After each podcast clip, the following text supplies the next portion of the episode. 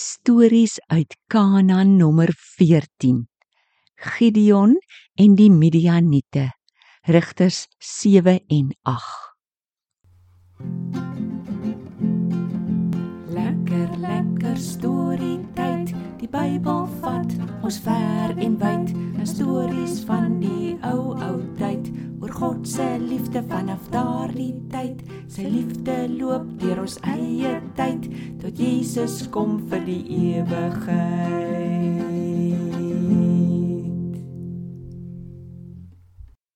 Drone. Drone.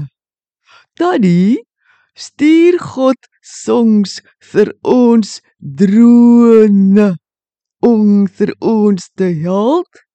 Hallo Tobias en Mats. Julle Tobias se kop staan vandag sommer weer skeef soos hy dink en wonder. Ja, Tobias. God kan enige iets gebruik, selfs drome. 'n Ou drone storieetjie asseblief, Daddy. Goed. Wat van die dag toe 'n Midianiet gedroom het? 'n Midianiet. Ek het nie geweet ons weet iets van hulle drone as nie. Tobias, Mats. Die Here het mos vir Gideon 300 soldate uitgekies wat saam met hom teen die Midianiete moes gaan veg. Die Midianiete en Amalekiete was so baie soos sprinkane en soos die see se sand. Hulle kamele was so baie dat niemand dit wou tel nie. God het met Gideon gepraat die nag nadat die soldate gekies is. Gaan veg teen Midian se leer hier voor jou in die vlakte. Ek gee hulle in jou mag oor. As jy bang is, kan jy en jou slaaf Pura in die kamp inloop en bietjie luister wat hulle daar praat. Dan sal jy moed skep. In die nag? Ja, in die nag. Gideon en Pura sluip toe so 50 tree in die kamp in tussen die tente. Toe hoor hulle iets. O maat, ek het nou 'n snaakse droom gedroom. Huh? Wat? G gedroom? sê die maat. Dalk het die vriend hom net toe wakker gemaak.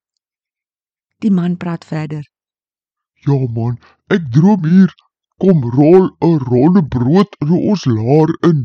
Hy rol en hy rol tot by ons tent en boems. Daar stamp hy dit sommer heeltemal om. Die maat was seker nou goed wakker want hy antwoord: "Hmm. Dis beslis die swaard van Gideon. Israel se God gaan ons hele leer in Gideon se mag gee." Gideon en Pira het niks langer gewag nie.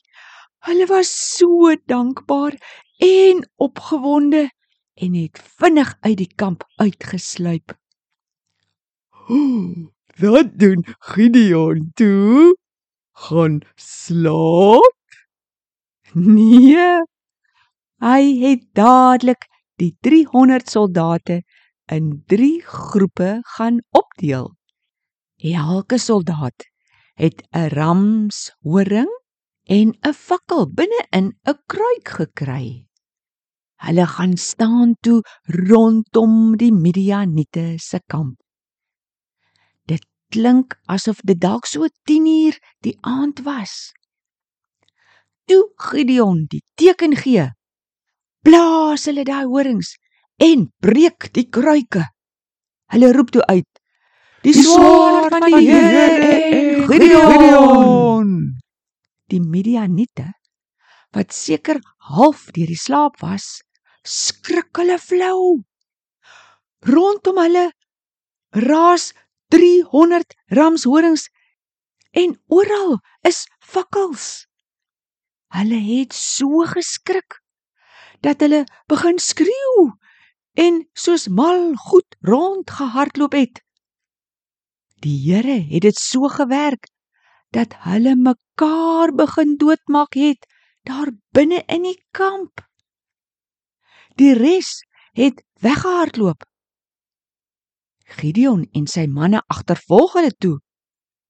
Hy stuur ook toe gou boodskappe na die ander mense van Manasse, Naftali, Aser en Efraim om te kom help veg.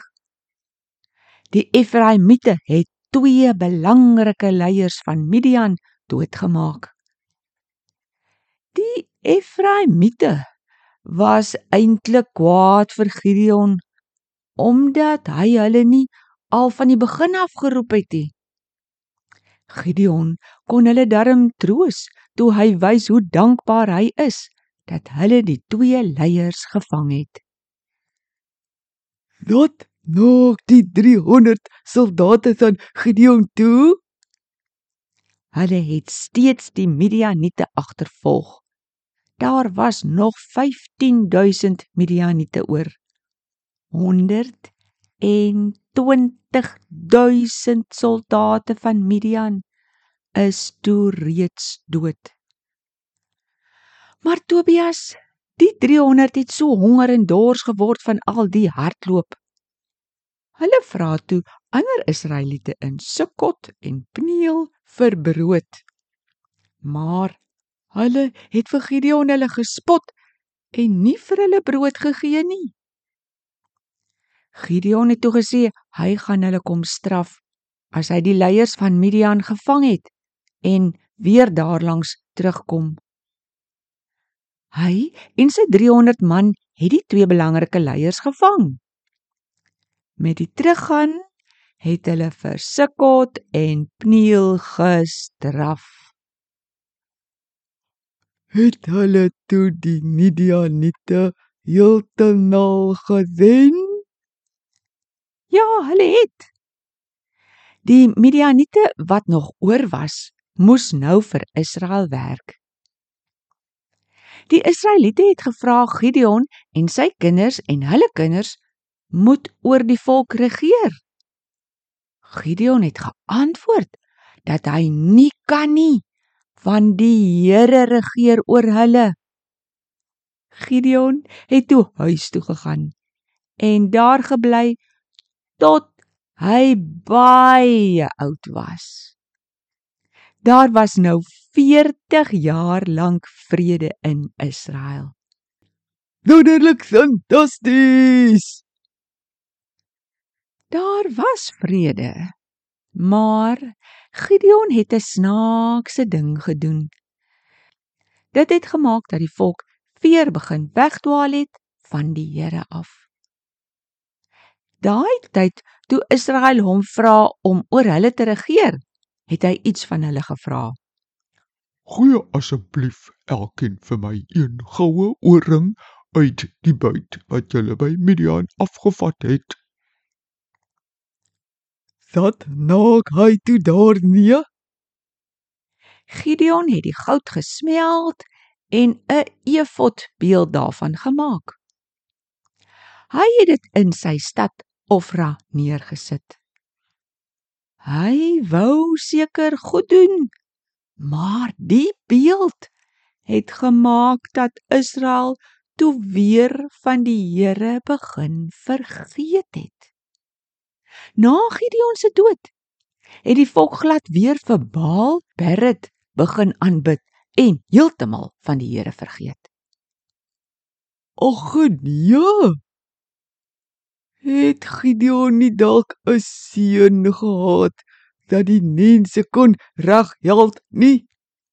Julle Gideon het 'n hele 70 seuns gehad. 70.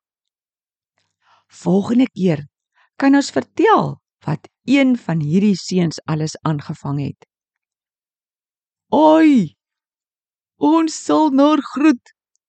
Al wil ons eintlik nog luister. Nots. Vandag se storie vertel verny dat God daaraan slim planne kan maak. En dan wen hy sonder duisende, duisende soldate net net 300 non. Doen dat hy sê hy weet altyd die beste. Nots, Ons gesels gou deur. Totsiens. thank you